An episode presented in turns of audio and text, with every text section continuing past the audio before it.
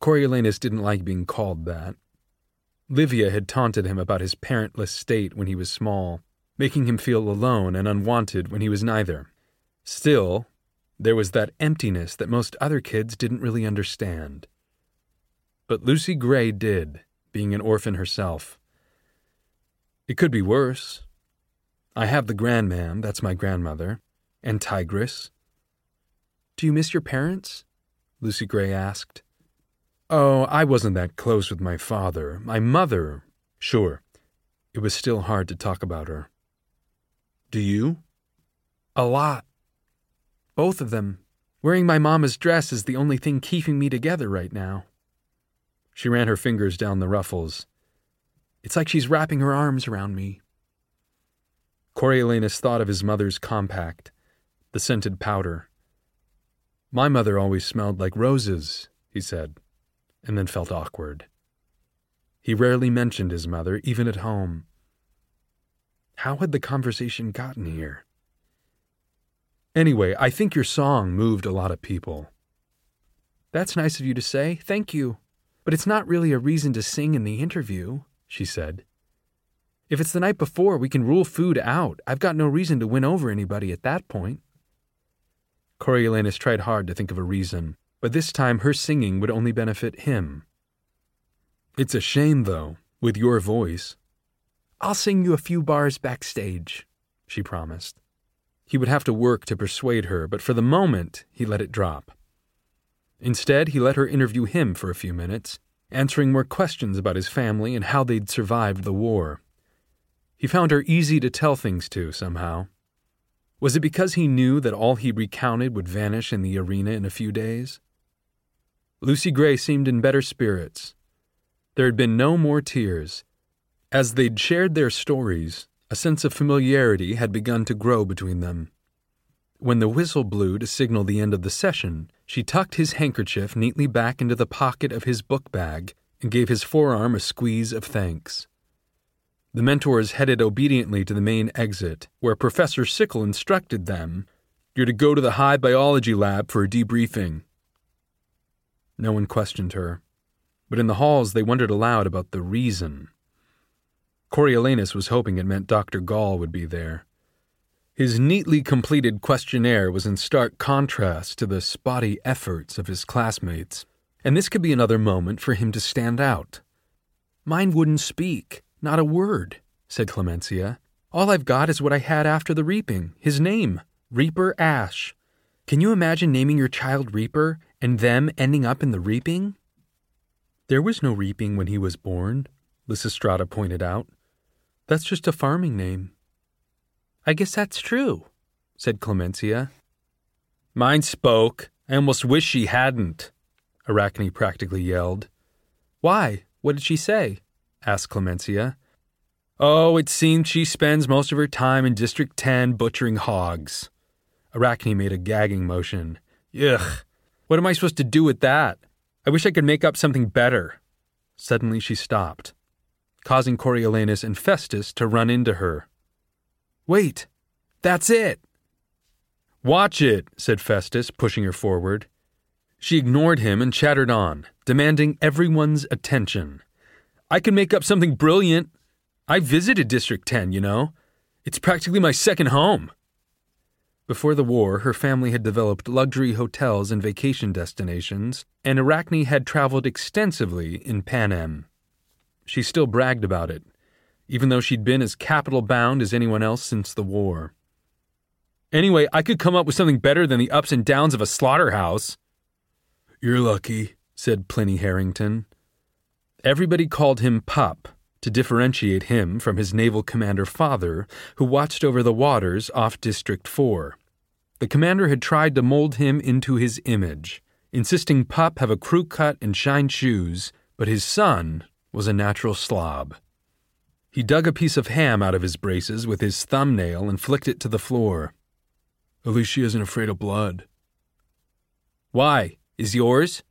asked Arachne. No idea. She cried for fifteen minutes straight. Pup grimaced. I don't think District 7 prepared her for a hangnail, let alone the games. You'd better button your jacket before class, Lysistrata reminded him. Oh, right, Pup sighed. He worked the top button and it came off in his hand. Stupid uniform. As they filed into the lab, Coriolanus's pleasure at seeing Dr. Gall again was dampened by the sight of Dean Highbottom stationed behind the professor's table, collecting the questionnaires. He ignored Coriolanus, but then he wasn't particularly friendly to anyone else either. He left the talking to the head game maker. Dr. Gall poked at the mutation rabbit until the class had settled in, then greeted them with, Hippity hoppity, how did you fare? Did they greet you like friends, or just sit there and stare? The students shot confused glances at one another as she retrieved the questionnaires. For those of you who don't know, I'm Dr. Gall, the head game maker, and I will be mentoring your mentorships. Let's see what I have to work with, shall we? She flipped through the papers, frowned, then pulled one out and held it up before the class. This is what you were asked to do. Thank you, Mr. Snow. Now, what happened to the rest of you?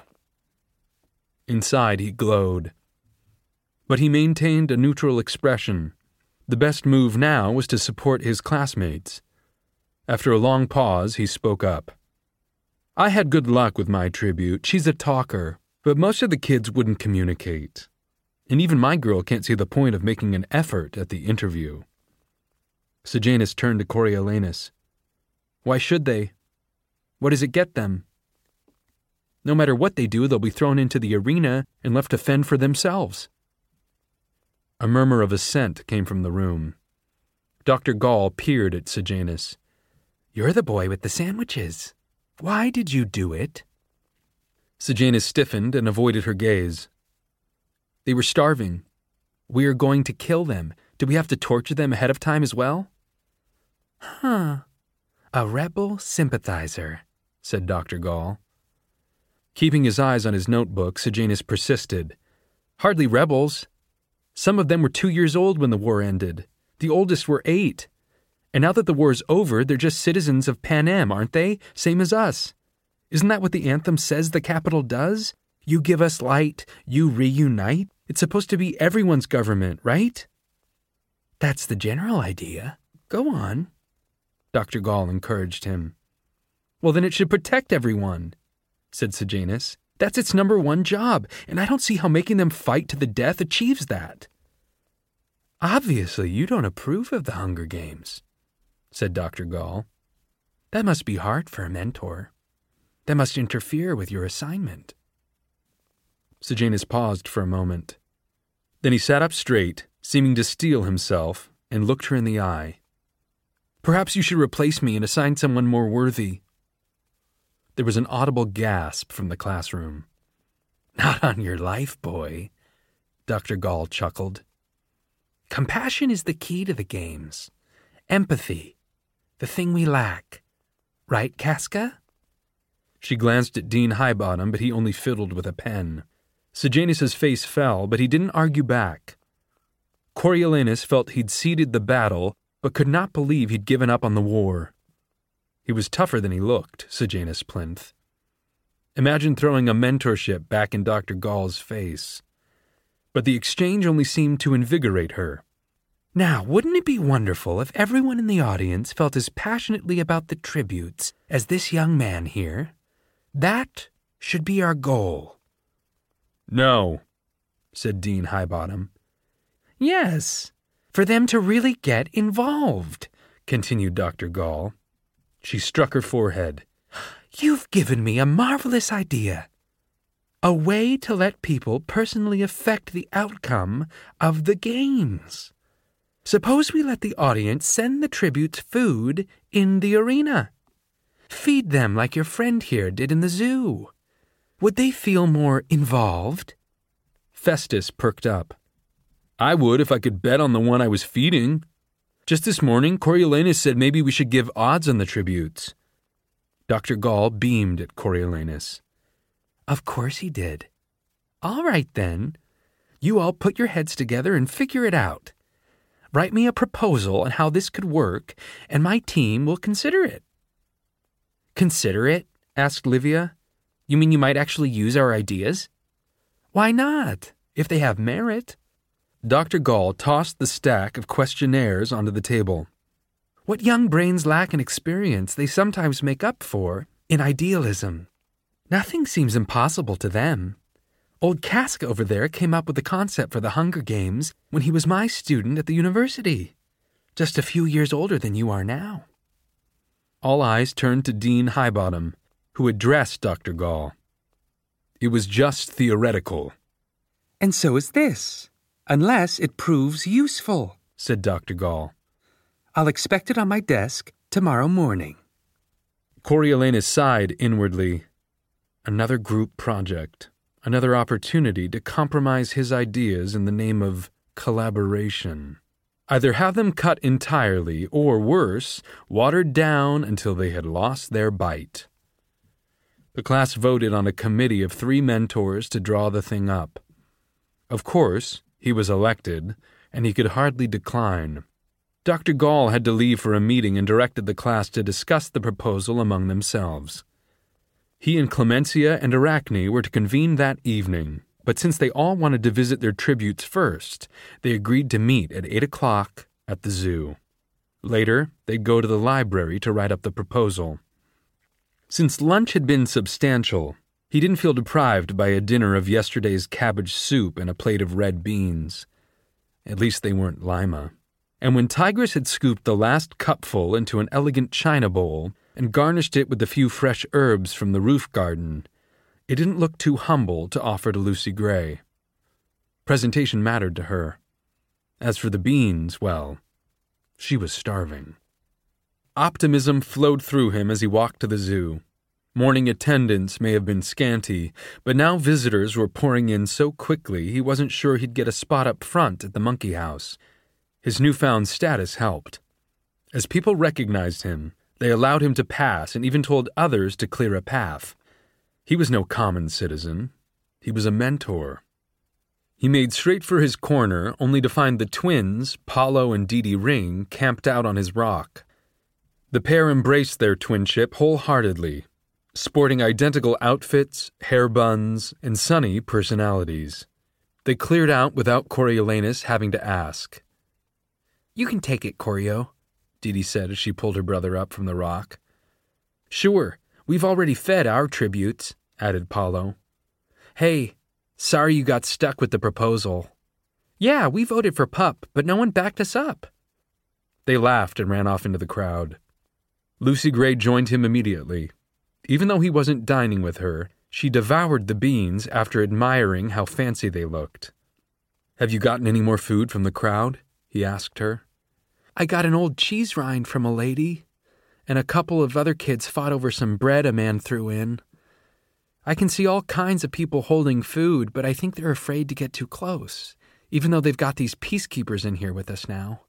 She pointed to the back wall of the cage, where a quartet of peacekeepers stood guard. Maybe they'll feel safer now that you're here. Coriolanus noticed a boy of about ten hovering in the crowd, holding a boiled potato. He gave him a wink and a wave of the hand. The boy looked up at his father, who nodded approval. He moved up behind Coriolanus, still keeping his distance. Did you bring that potato for Lucy Gray? Coriolanus asked. Yes. I saved it from dinner. I wanted to eat it, but I wanted to feed her more, he said. Go on, then, Coriolanus encouraged him. She doesn't bite. Mind you, use your manners. The boy took a shy step in her direction. Well, hey there, said Lucy Gray. What's your name? Horace, said the boy. I saved you my potato. Aren't you sweet? Should I eat it now or save it? she asked. Now. The boy gingerly held it out to her. Lucy Gray took the potato as though it were a diamond. My, that's about the nicest potato I've ever seen. The boy blushed with pride. Okay, here I go. She took a bite, closed her eyes, and almost seemed to swoon. Nicest tasting, too. Thank you, Horace. The cameras closed in on them as Lucy Gray received a withered carrot from a little girl and a boiled soup bone from the girl's grandmother. Someone tapped on Coriolanus's shoulder, and he turned to see Pluribus Bell standing there with a small can of milk. For old time's sake, he said with a smile as he punched a couple of holes in the lid and passed it to Lucy Gray. I enjoyed your act at the reaping. Did you write that song yourself? Some of the more accommodating, or possibly the hungriest tributes began to station themselves up by the bars. They sat on the ground, held out their hands, ducked their heads, and waited. Here and there, someone, usually a child, would run up and place something in their hands and then jump back. The tributes began to compete for attention, drawing the cameras to the center of the cage. A limber little girl from District 9 did a back handspring after she received a bread roll. The boy from District 7 made a good show of juggling three walnuts. The audience rewarded those who would perform with applause and more food. Lucy Gray and Coriolanus resumed their picnic seats and watched the show. We're a regular circus troupe, we are, she said, as she picked bits of meat off her bone. None of them can hold a candle to you, said Coriolanus. Mentors who had been avoided before were now approached by their tributes if they offered food. When Sejanus arrived with bags of hard boiled eggs and wedges of bread, all the tributes ran up to him except Marcus, who made a point of ignoring him entirely. Coriolanus nodded at them. You were right about Sejanus and Marcus. They used to be classmates in District 2. Well, that's complicated. At least we don't have to deal with that, she said. Yes, this is complicated enough. He meant it as a joke, but it fell flat. It was complicated enough, and it got more so by the minute. She gave him a wistful smile. Sure would have been nice to meet you under different circumstances. Like how? It was a dangerous line of questioning, but he couldn't help himself. Oh, like you came to one of my shows and heard me sing, she said. And afterward, you came up to chat, and maybe we had a drink and a dance or two? He could imagine it her singing somewhere like Pluribus's nightclub, him catching her eye, connecting before they'd ever even met. And I'd come back the next night. Like we had all the time in the world, she said. Their musing was interrupted by a loud woo-hoo. The tributes from District 6 began a funny dance, and the Ring Twins got some of the audience to clap along in rhythm. After that, things became almost festive. The crowd ventured closer, and a few people began to converse with the captives. On the whole, Coriolanus thought it a good development. It would take more than Lucy Gray to justify the prime time slot for the interviews. He decided to let the other tributes have their moment and to ask her to sing at closing time. In the meantime, he filled her in on the mentor's discussions that day and stressed what her popularity could mean in the arena, now that there was a possibility that people could send gifts. Secretly, he worried about his resources again. He'd need more affluent viewers who could afford to buy her things. It would look bad if a Snow's tribute received nothing in the arena. Maybe he should make it a provision of the proposal that you couldn't send your own tribute gifts. Otherwise, how could he compete? Certainly not with Sejanus. And there, by the bars, Arachne had laid out a little picnic for her tribute a fresh loaf of bread, a block of cheese. And were those grapes? How could she afford those? Maybe the travel industry was picking up. He watched as Arachne sliced the cheese with a mother of pearl handled knife. Her tribute, the talkative girl from District 10, squatted right in front of her, eagerly leaning into the bars. Arachne made a thick sandwich but didn't hand it right over. She seemed to be lecturing the girl about something, it was quite a speech. At one point, the girl reached through the bars, and Arachne withdrew the sandwich, drawing a laugh from the audience. She turned and flashed them a grin, shook her finger at her tribute, held out the sandwich again, and then pulled it away a second time, much to the crowd's amusement. She's playing with fire there, Lucy Gray observed. Arachne waved to the crowd and then took a bite of the sandwich herself. Coriolanus could see the tribute's face darkening, the muscles tightening in her neck. He could see something else, too.